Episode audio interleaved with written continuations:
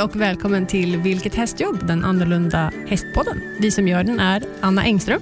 Och Malin Hellstedt. Vi kör, Vi kör direkt. stenhårt igång direkt Yes. med Eva Johansson från Lantmännen Kraft. Välkommen tillbaka. Ja, men tack så mycket.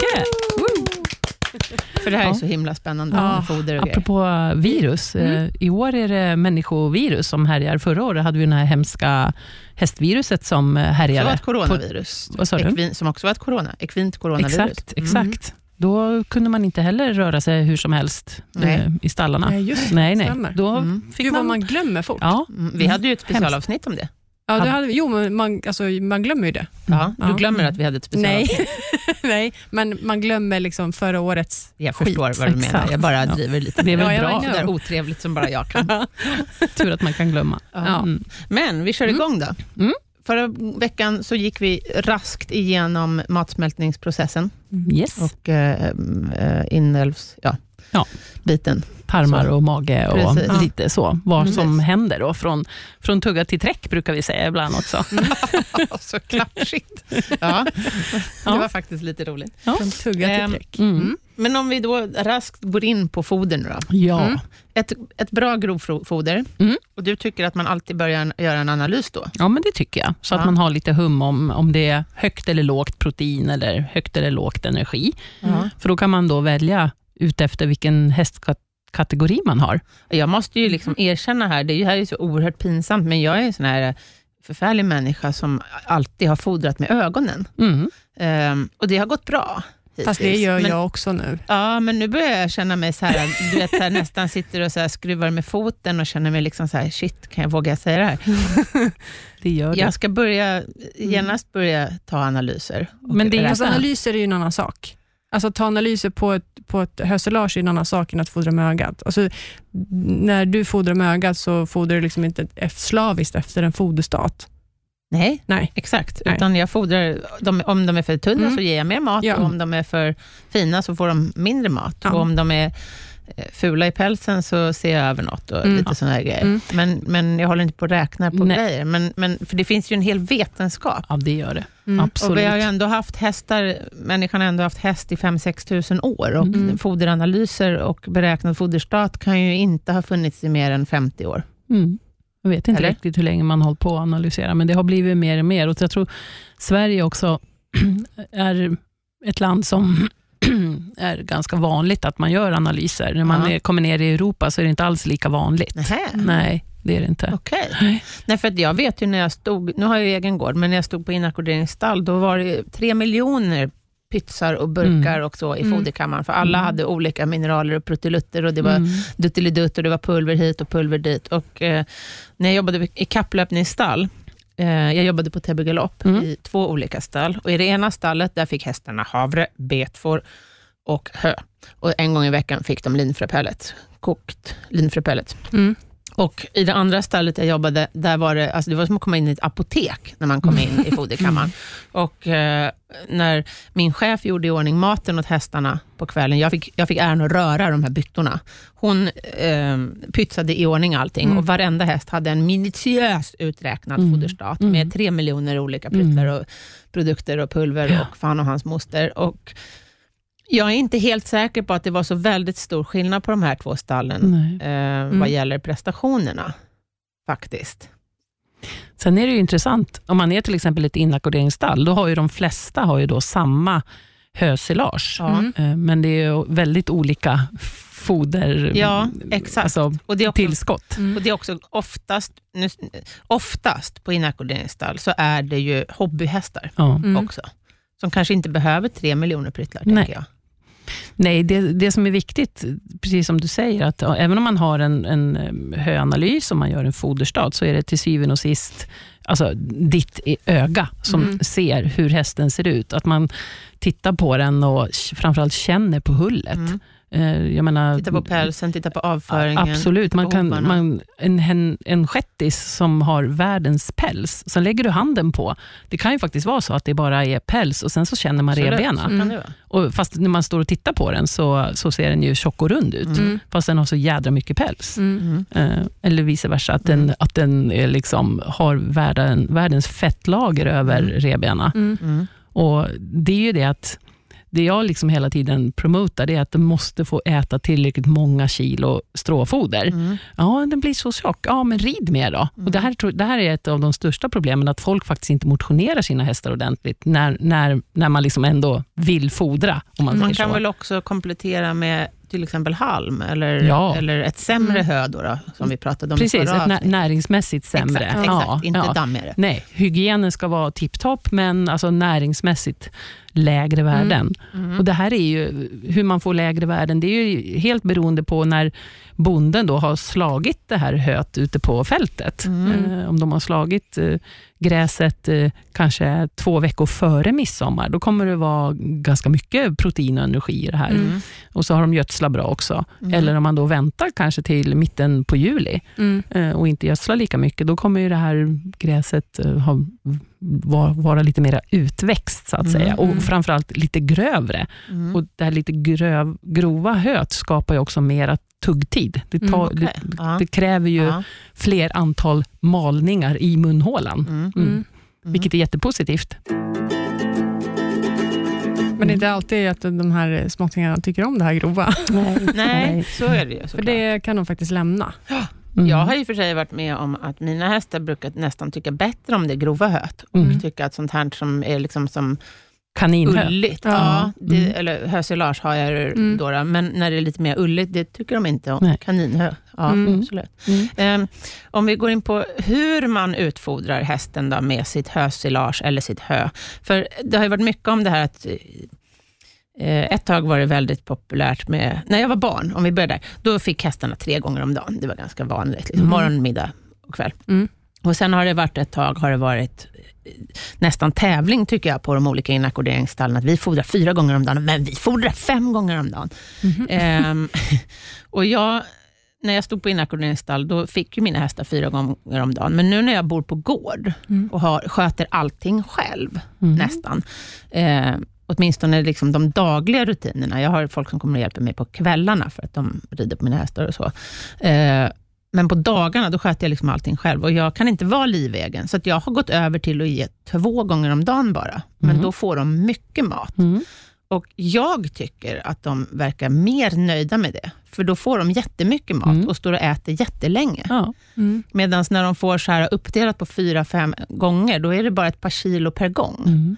Och jag upplever det att det liksom blir nästan lite stressigare då, för att, att de blir mer mathysteriska Mm. på faktiskt. Okej. V- v- vad säger du som foder? Alltså, definitivt, jag menar, man måste ju hitta sin grej. Mm. Eh, men eh, det normala är nog runt fyra mål mat om dagen, om de inte har typ fri tillgång. ja. Eh, och Sen om de inte trampar ner det här, utan verkligen äter upp allting, Mm. då kommer det att ta lång tid, precis som du är inne på. Problemet i vissa stallar det är ju där att om du bökar in liksom åtta kilo till natten, Mm. då äter de två, tre kilo, för sen har de eh, liksom Mm. trampat runt allting. Men jag de- har hönät. Mm. Ja, precis. Eller foderhäckar. Ja, ja. ja, men då så. Mm. För annars, Mm. så, som sagt, då Ja. har de ju trampat runt och då Exakt. äter de definitivt inte Nej. upp. Eller vissa glupska äter ju Mm. upp allt. Mm. Eh, Visst. och samma i eh, mina hagar så har Mm. jag väldigt Mm. preparerade foder, alltså autom- eller inte automater, men det är hönät och det är foderhäckar och det är fan och hans moster, så att det Mm. absolut inte ska bli något spill. Mm. Dels för att jag tycker att det är jävligt jobbigt att mocka undan det och sen så har jag ingen lust att kasta pengar Nej. på sånt som de bara trampar ner. Jättebra. Jag tycker det låter som en jättebra grej. Så att de Inga får problem. mellan fem och sju kilo per mål. Och hur många hästar är det då? Nej, alltså var. Ja, ja, ja. Mm. ja. Ja. visst. Per mål. Mm. Ja, två gånger om dagen. Mm.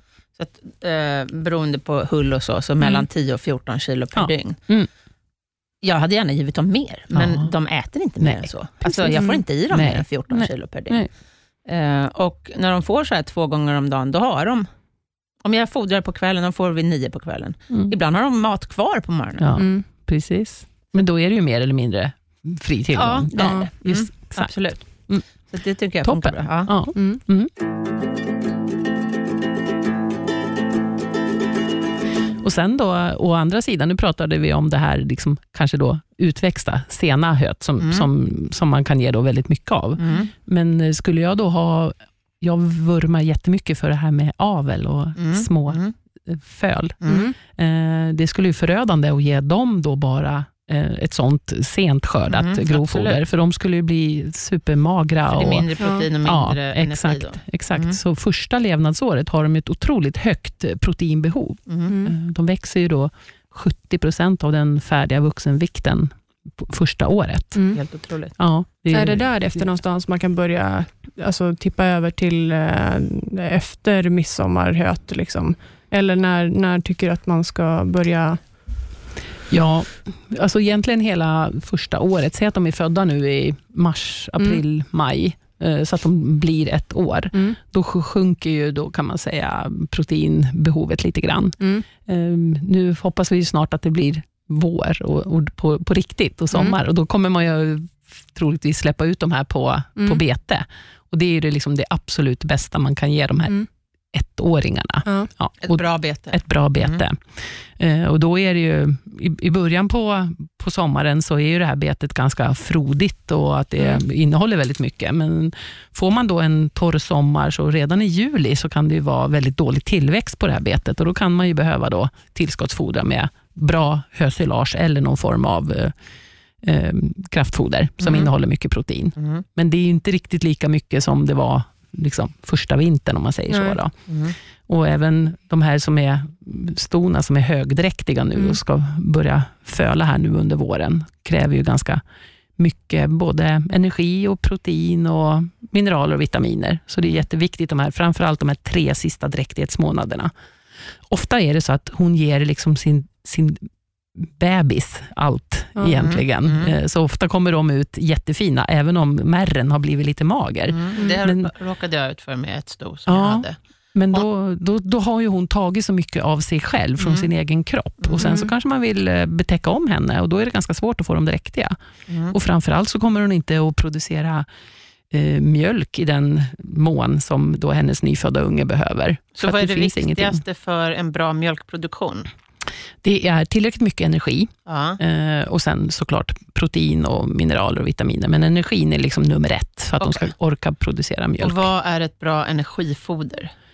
Eh, ja, återigen, först ett, ett tidigt skördat eh, grovfoder. Ja, Ja, och sen så finns det allt möjligt på marknaden. Mm. Alltså man kan ju ha en kombination av eh, kraftgrov, jättebra. Mm. Eh, inte superhög energi. Då kanske man kan, eh, ja, man kan ha lite havre till det, till Mm. exempel. Okay. Eh, återigen, då, de eh, är ju då, när de har fölat nu här i vår, så ska ju de också förhoppningsvis ut på ett bra bete. Mm. Så det är ju liksom nummer ett. Damerna pratar. Mm. ja, Mm. Ston då, när de har Mm. fölat.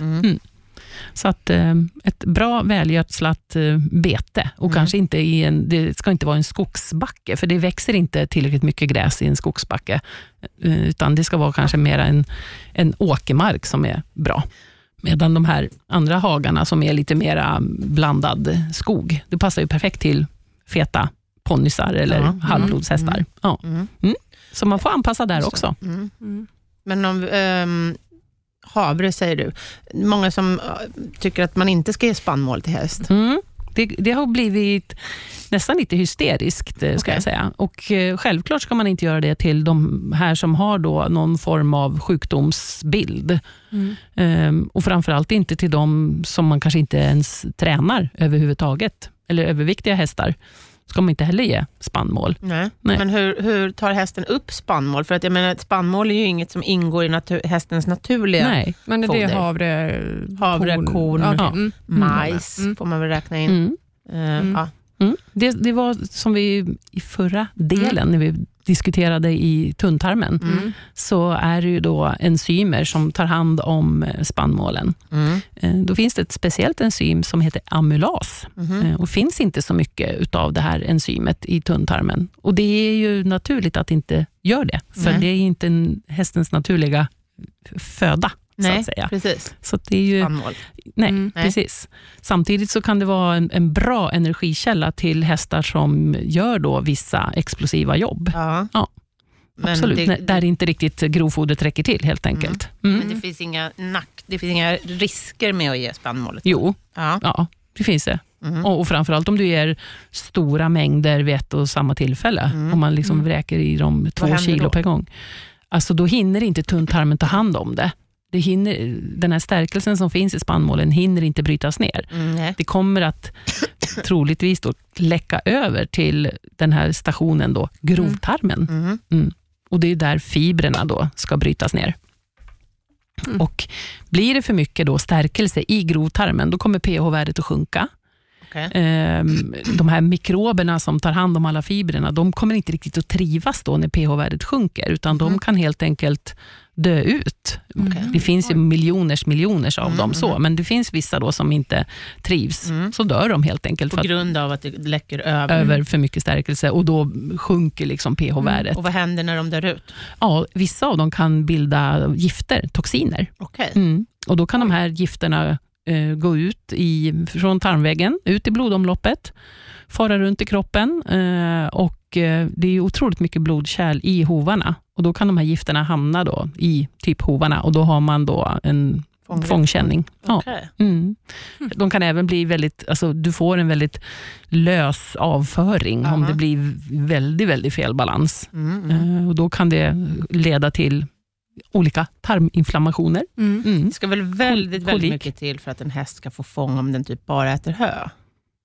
Ja, eh, den kan få det om höet då inte är anpassat för den här hästen. Mm. Om det är Eh, ett för, för kraftigt Om det är ett för kraftigt hö, ja, och Mm. eh, den får jättemycket hö och den är Mm. väldigt matglad och den är Mm. väldigt lättfödd och den får ingen motion, Mm. då kan den definitivt få det. Mm. Mm. Den, den kan ju få det liksom av, ett, av ett bete också. Mm, det är väl det vanligaste Ja, det, det är det nog. Mm. Övervikt eh, och att den går ut på, på bete.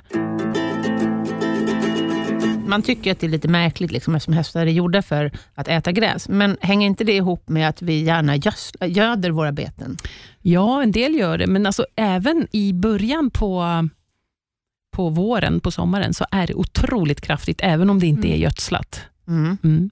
Sen kan det vara så att gräs, eh, nu, alltså för två år sedan när vi hade den här otroliga torkan, Mm. så det gräs som faktiskt växte, eh, det var ju väldigt stressat. Mm. Och Det gräset eh, har då extra mycket socker i sig, Mm. till exempel. Eh, Och Äter hästarna stora mängder då av ett sockerrikt grovfoder eller Mm. ett sockerrikt bete, då har man ju lite samma sak. Mm. Mm. Mm. Men jag, jag är inte helt hundra, men jag har för mig att jag för många år sedan läste liksom studier på att man har gjort eller att man har gjort studier på vildhästar och så. Det är väldigt, väldigt sällan de Ja. får fång. Mm.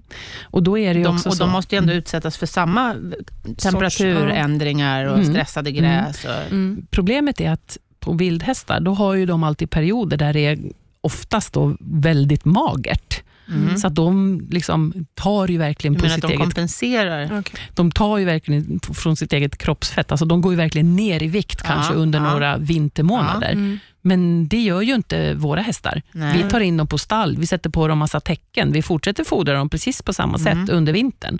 Så Året de, om. Liksom. året det- om. så det är de tappar snarare- aldrig någonting. Mm. Så det finns ingen risk att omställningen gör att de får den här reaktionen, utan det är snarare ett överskott då?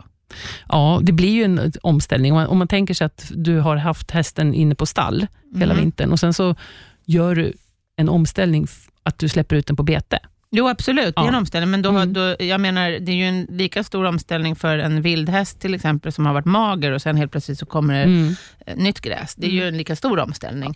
Men eh, omställningen för tamhästen med det, eh, är då att den redan har liksom höga nivåer av Mm. allting. Mm. Mm. Det kan man nog säga. Tänker Och sen tror jag att vildhästen, alltså där blir det ju inte, det blir ju inte nytt gräs från en dag till en annan, Mm, utan de vänd, Ja. alltså det kommer ju lite, lite pö om pö och sen så sätter det ju såklart fart. Mm. Medan, Ja, skillnaden med våra tamhästar är väl att vi byter marker åt dem. Ja.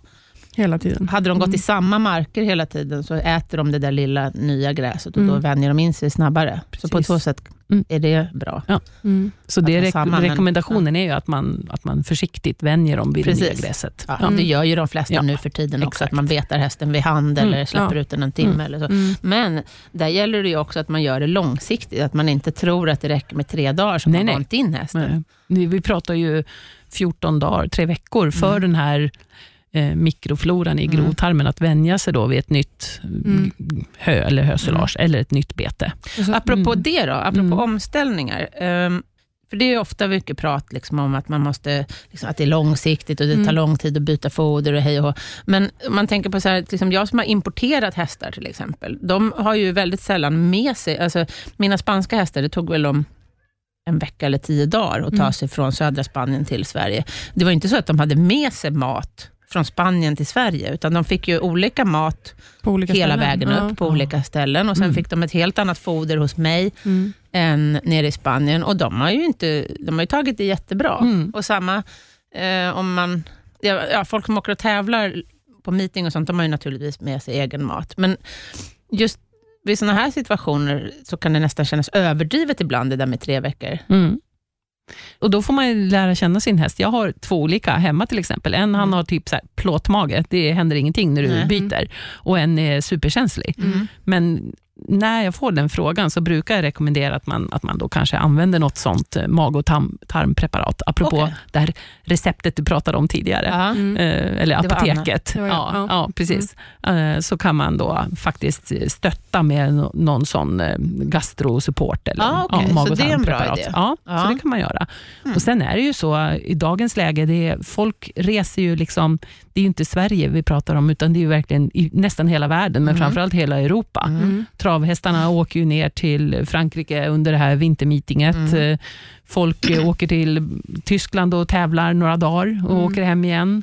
Eh, Flygs till både Miami och det är Doha och överallt. Mm, Och det är ju, man kan ju inte ta med eh, grovfoder såklart på Nej, de här inte- ställena. Inte hur mycket som helst. Nej. Det har ju dock kommit flera sådana här uh, Mm. höpelletsvarianter Ja, precis. som funkar ganska bra. Va? Ja, och det har finns ju sån här hackelse, lucernhackelse. Mm. Det är jättebra att ha det lite grann i foderstaten, för då, Mm. då finns det ju liksom en viss del av grovfodret är i alla fall samma. Och Det är Mm. lite lättare att ta med sig i alla fall. Mhm, Mm. mhm, Absolut. Mm. Ehm, jag tänker också när man köper hö, nu vet inte jag eh, om det är någon skillnad där på hö och hösilage, men när, när jag köper hö till exempel, från, nu har jag en väldigt bra höleverantör, så att jag litar väldigt, jag brukar inte ta analyserna, utan jag litar på de frågar, Mm. vill du ha si Mm. eller så, Mm. hur mycket vill du ha? Och så får jag det jag vill ha, så att säga. Men de har ju massor med olika åkrar, Mm. Mm. och det måste ju kunna diffa ganska mycket från ett fält till ett annat. Ja, det kan det ju göra. Det är helt beroende på om eh, vallen är hur, hur gammal vallen är, om Mm. den är ett, eller två, eller tre eller fyra Mm. år. Mm. Eh, när de här olika åkrarna, alltså själva skördetidpunkten, har han Mm. slagit en åker två veckor innan midsommar Mm. och en åker två veckor efter Mm. midsommar. Självklart kommer det näringsvärdet vara annorlunda. Mm. Eh, också hur mycket då gödning man har, Mm. har lagt på, Mm. på det här. Vilket är väldigt bra. Ja. Jag vill ju inte ha så högt energivärde. Nej, men jag tänker snarare på om hästen då eh, Alltså- reagerar från Mm. foderbytet. Om man säger så här, om det är ett hösilage som är ganska torrt, om man tänker sig 70-75% i torrsubstans, Mm. och sen så kommer det från en viss åker. Mm. Förhoppningsvis har han märkt upp de balarna, att det här är från åkern bredvid Mm. vägen, eller vad det nu Mm. kan heta. Och sen så nästa gång du får leverans så är det, Åkern bakom ladan. ja Mm. precis. Och då kanske det är bara 55 eller 60% torrsubstans. Mm. Då är Mm. det ganska stor skillnad för hästens mage. Mm. Men så länge det är någorlunda samma TS-halt så tål hästen det bättre. Det är när, när torrsubstanshalten varierar väldigt mycket. Då kommer hästen att reagera mer. Mm. Okej, så att om det är väldigt blött ena gången och väldigt Ja. torrt andra gången, Mm. det reagerar den mer på Jajamän. Mm. än att det är olika, halt, äh, olika Näringsvärde. näringsvärden? Ja. Jaha, Mm. varför sen- är det så? Sen, sen såklart att eh, Sen såklart om det är superlågt protein ena gången och, och liksom Ja, ja. Jätte, jättehögt, så när det är sådana stora skillnader, Mm. då kommer de också att reagera mer.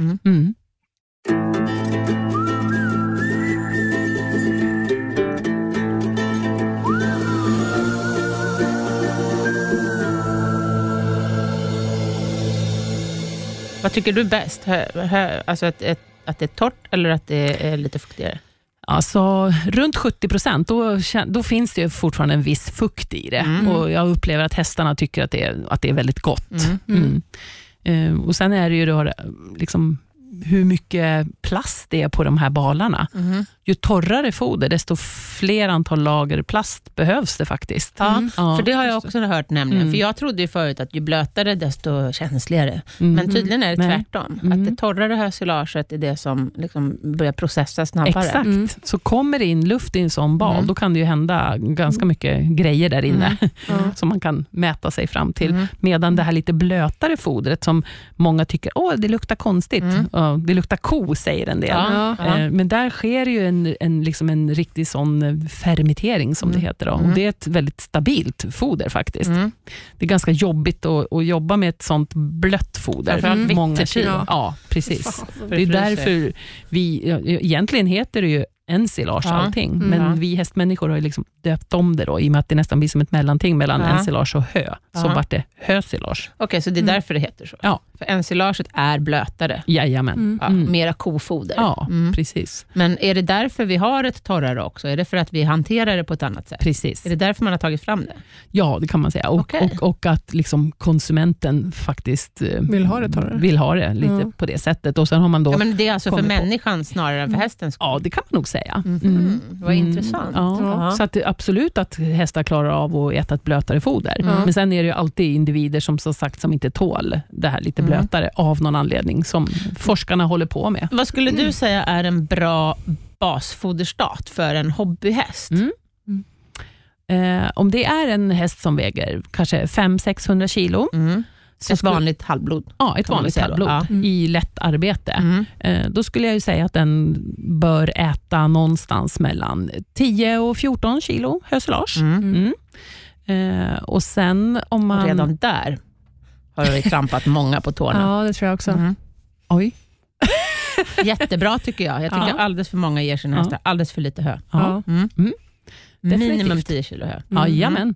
Och det här är ju helt obero- alltså beroende på vad du har för torrsubstanshalt. Mm. Mm. Eh, Det finns ju liksom rekommendationer från Jordbruksverket Mm. hur mycket grovfoder en häst eh, måste äta. Mm. Mm.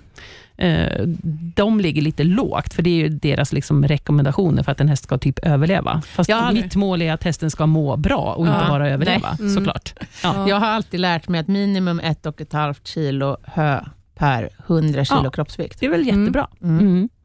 Det låter ju Vilket rimligt. blir extremt lite när man räknar ut det på en miniatyrhäst Mm. Eh, Ja. Ja. som väger 80 Mm. kilo. Mm. Så, alltså, ju blötare hösilage, desto fler antal kilo. Mm. Det är liksom en generell regel. För det är torrsubstans. Jajamän, Mm. precis. Och ett och ett Ja. halvt kilo torrsubstans per 100 kilo. Mm. Mm. häst. Nu sa du ett och ett halvt kilo hö, men jag förstod precis, att du jag menade men jag, en jag, torrsubstans. Ja. Exakt, jag Mm. förtydligar Mm. så att inte någon missförstår mig. Ja, Mm. Jättebra. Eh, så att någonstans där, 10-14 kilo hösilage, då, Mm. beroende på TS-halt. Mm. Eh, och Sen så behöver man ha ett, ett grundfoder, alltså någon form av kraftfoder, oftast. Om det är superhöga värden, då, både energi och protein, så kanske hästen klarar sig på bara hö och mineraler. Mm. Men många gånger är det ju liksom att, faktiskt, att det är hästägaren som ändå vill ge någonting i krubban. Mm. Eh, Exakt. och eh, Ett foder då som eh, alltid funkar superbra på alla hästar, det är ju vår vanlig kraftgrov Mhm, faktiskt. mm. Mm. Gör lite Ja. extra reklam här. Mm, Ja, det är det- helt okej. Ja, men det- tycker ja. För det, är- det är alltså ett foder då som har relativt låg andel stärkelse, Mm, som vi har mm. pratat om. Eh, det har eh, lite högre proteinhalt. Mm. Eh, inte superhög proteinhalt, men där kan man också välja vilken grov man har behov av, för de har Mm. olika, olika mycket protein. Eh, I det här så finns det ju då alla mineraler, och vitaminer och spårämnen. Mm. Och Ger man då bara kanske ett kilo, då täcker inte riktigt det behovet till då en, en stor häst på 600 kilo. Så då kanske man behöver ge ett kilo grov och lite mineraler. Tränar man lite hårdare, ja, då kanske man behöver ge två kilo grov.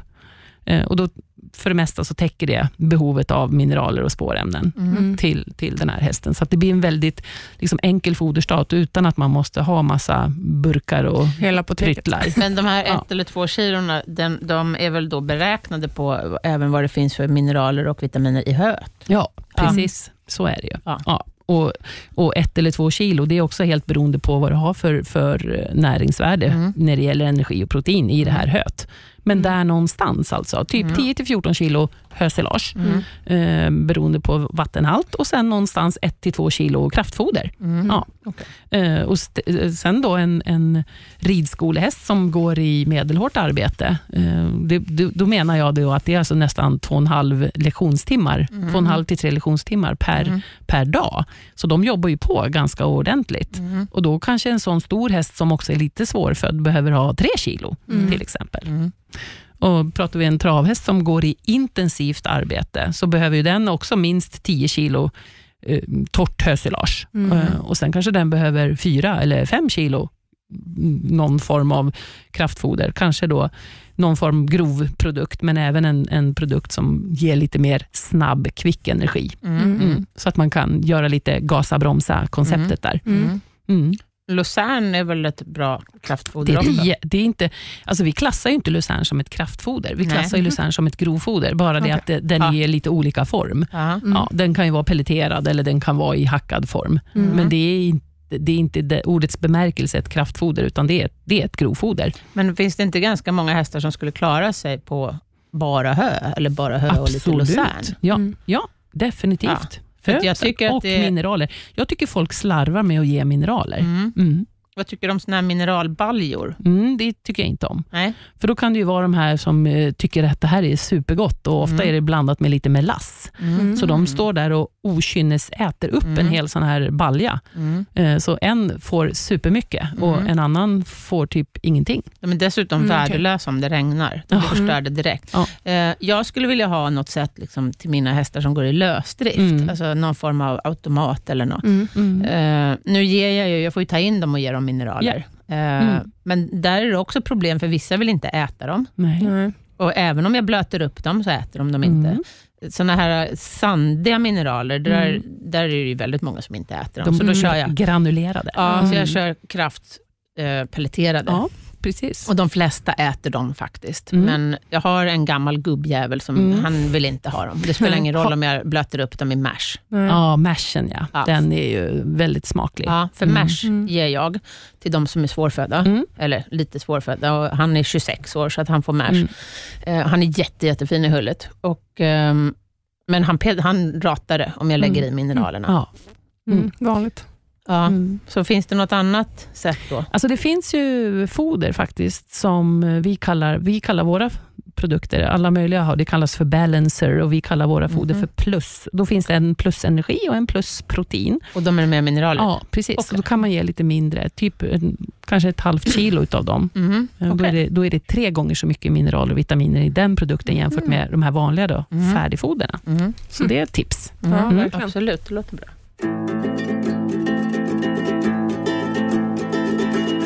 Vi kör veckans tips. Det vi alltid gör. Och eh, Vi tänkte ju att eh, du, Eva, skulle få ge veckans tips. Ja, vad ska vi hitta på? ja. Ja, men nu har vi pratat om foder här eh, under ett par avsnitt, men Mm. mitt tips det är i princip eh, gratis. Vi pratade om att eh, det kostar mycket att köpa in både Ja. hö och kraftfoder. Eh, men eh, jag vill prata lite grann om vatten, eller det är mitt tips. Ja. Jag ser väldigt många ställen där man har för dåliga vattenrutiner. Alltså man har för dålig tryck i vattenkopparna. Och det kan vara allt från att de, koppen är lite för liten drickskål, Okej. så att den här stora mulen knappt går att få ner i den här. De är lite mm, mer mm, anpassade för mm. kalvar eller får. Eh, första boxen på liksom rörledningen, där är det jättebra tryck och Mm. sista boxen i det här stallet, 10-12 boxar bort, då Mm. rinner det knappt i den här vattenkoppen. Eh, även ute, att man inte då ger vatten ute.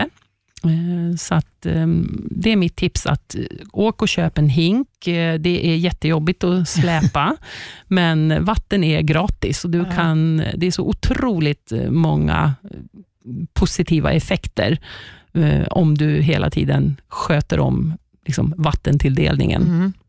Det ju, finns, vi pratade lite grann, du och jag, Anna, om innan, Mm. att eh, i en lösdrift till exempel, man Mm. tycker att man har vatten hela tiden, men, men om det då är en tio ston eller kanske tio fölungar, då kanske det är någon som är lite mera blyg och inte Mm. riktigt vågar gå Mm. fram. Och Sen står det några andra där eh, sura märrar Mm. som står och liksom nästan tjuvpassar på det här vattenkaret. Mm. Så har man Precis. då många hästar i en hage, så då kanske man måste ha både två och tre liksom, drickställen Precis. för hästarna. Hästarna, Mm. eh, återigen, alltså, är ju i, grund och botten ett vild, vild häst Mm. och de dricker på tid. Så de dricker stora mängder på kort tid. Mm. Eh, I svensk lag, Ja. djurlags, ja, vad det nu heter, så står det att eh, hästen ska ha fri tillgång till vatten minst en gång per dygn. Mm. Och Då kan man ju tänka sig att de kan bälga i sig kopiösa mängder Mm. om de bara gör det Ja. en gång per dygn. Precis. Och mellan, vad är det, 20 och 40 liter på en stor häst. Alltså det är, vi pratar kanske 20 20-30 liter, det är bara rent underhållsbehov. Precis. Mm. Ja. Eh, liksom travhästarna som svettas och går Mm. supertufft, alltså de dricker ju minst det dubbla. Ja. Eh, en, en lakterande sto, alltså en, en sto som ger di, ja, Mm. hon kan ju lätt dricka 100 liter på ett dag, Mm. när det är en varm sommardag. Mm. Mm. Så det går åt eh, många hinkar kan jag säga. De tycker också bättre om att dricka från en öppen vattenspegel, så att Precis. hink är ju jättebra Ja. och en stor balja. Mm. Och Sen har jag märkt, som har, eh, jag, har, jag har stängt av mina vattenkoppar hemma faktiskt och har bara hinkar Mm. numera. Och i min lösdrift så har jag, den är ganska nära stallet, den hagen, så där har jag tempererade kar på Mhm. vintern, så att det Mm. inte ska frysa. Mm. I eh, rasthagarna så har jag byggt såna här termobar, men där har jag ingen möjlighet att dra ut el till. Men de är ju isfria i alla fall. Men jag har märkt intressant i lösdriften, för där har jag både tempererade kar och eh, otempererade kar, så att säga. Mm. Och eh, Då har jag märkt att de dricker, även om det är plusgrader, så dricker de mycket hellre i den tempererade baljan. Så den, är alltid, den är alltid den som blir Mm, tom mm. först. Mm. Så att man ser till kanske, om man kan, att, att vattnet inte är iskallt. Exakt. Det har jag också märkt. Ja, Mm. och i mitt stall, i Mm. de vattenkopparna som jag nu har stängt av, då, då, där är det också värmeslingor, så Mm. att det vattnet blir heller aldrig iskallt. Det är en liten eh, liksom brasklapp där. Ja. Om det skulle bli lite för varmt, då kan det ju bli bakterier i det. Ja, ja, ja, men det, de- herregud, ja, det är ju inte varmt. Nej, Nej, dricker de- varmvatten. ja, exakt. Dricker de det upp det varje dygn, så är det perfekt. Det är ju liksom när det blir stående. Ja, ja, ja, absolut. exakt. Men vi byter vattnet varje dag exakt. Mm. och skurar. Man ska själv vilja dricka det där vattnet. Du ska kunna Ja. köra ner din lilla nos i vattenhinken Precis. och Mm. dra i det där, eller ute i badkaret, eller Mm. i den här baljan. Mm, Att man själv vill mm. dricka helt enkelt. Mm. Mm. Det är väl en bra... Och jag har också lärt mig att man kan, om man reser mycket, så kan det vara en bra idé att ha lite äppelcidervinäger i vattnet, så att vattnet smakar likadant. Eh, Då ska du ha vant hästen med det hemma. Precis, ja, ja, ja, självklart. absolut. Jag har Mm. aldrig provat det själv, Nej. men det är ett sånt här gammalt husmorsknep som jag fick lära mig när jag var yngre. Ja, men du kan ha det. Du kan ha i vanlig saft i vattnet, Mm. vänja dem. Du kan ha i lite betfor, Ja, men betfor någonting, soppa. precis. Mash Men, bara att man, soppa. ja, Mm. men att man alltid gör det. Ja, Så att hästen, eh, för att när man eh, är ute och reser så kan det vara annan kalkhalt eller annan ja, pH-värde Ja. eller vad det nu är. mm. Så att det, vattnet Luktar- smakar annorlunda. Luk- Mera klor. Lukten ja, också precis. är Ja, jätteviktig. Mm. om man har en känslig häst. Mm. Så det var mitt tips. tips. Var noga med vattnet. Ja, det var väl ett utmärkt tips. Mycket Väldigt bra. bra. Mm. Tack så hemskt mycket Ja, för att du ville komma snälla. den här veckan också. Mycket. Du Superintressant. kommer bli nerringd Ja. efter det här. Varning. Ska vi lägga ut ditt telefonnummer på Facebook-sidan? Nej, de, de får gå in på vår hemsida. Ja, och den är Kraft.nu. kraft.nu. Där Ja, når ni mm. Kraft-Eva. Där når ni Kraft-Eva, Ja. precis. Och Kraft Direkt, vi har ju en sån, eh, sån tjänst faktiskt. Okej. Ja, Ja. En kostnadsfritt som man kan ringa. 020 Jaha. 30 40 40. 30 Kanon. 40 30 40 40. Ja. Mm. 000. Mycket bra. Våra sociala medier. Vi finns där poddar finns och prenumerera på oss så får ni pushnotis varje torsdag när vi lanserar nytt avsnitt. Precis. Facebook, Instagram och vi har en e-mail. Vilket hastjobb gmail.com. Vi ses... Nej, vi, nej, det gör vi inte. Vi, Vi hörs. ses. Vi ses. Men våra lyssnare och, och, och vi ni hörs. hörs. Nej, vi ses och vi hörs Ja. Till er Ja. nästa vecka. Ja. Ha det så bra. Hej då! Hej.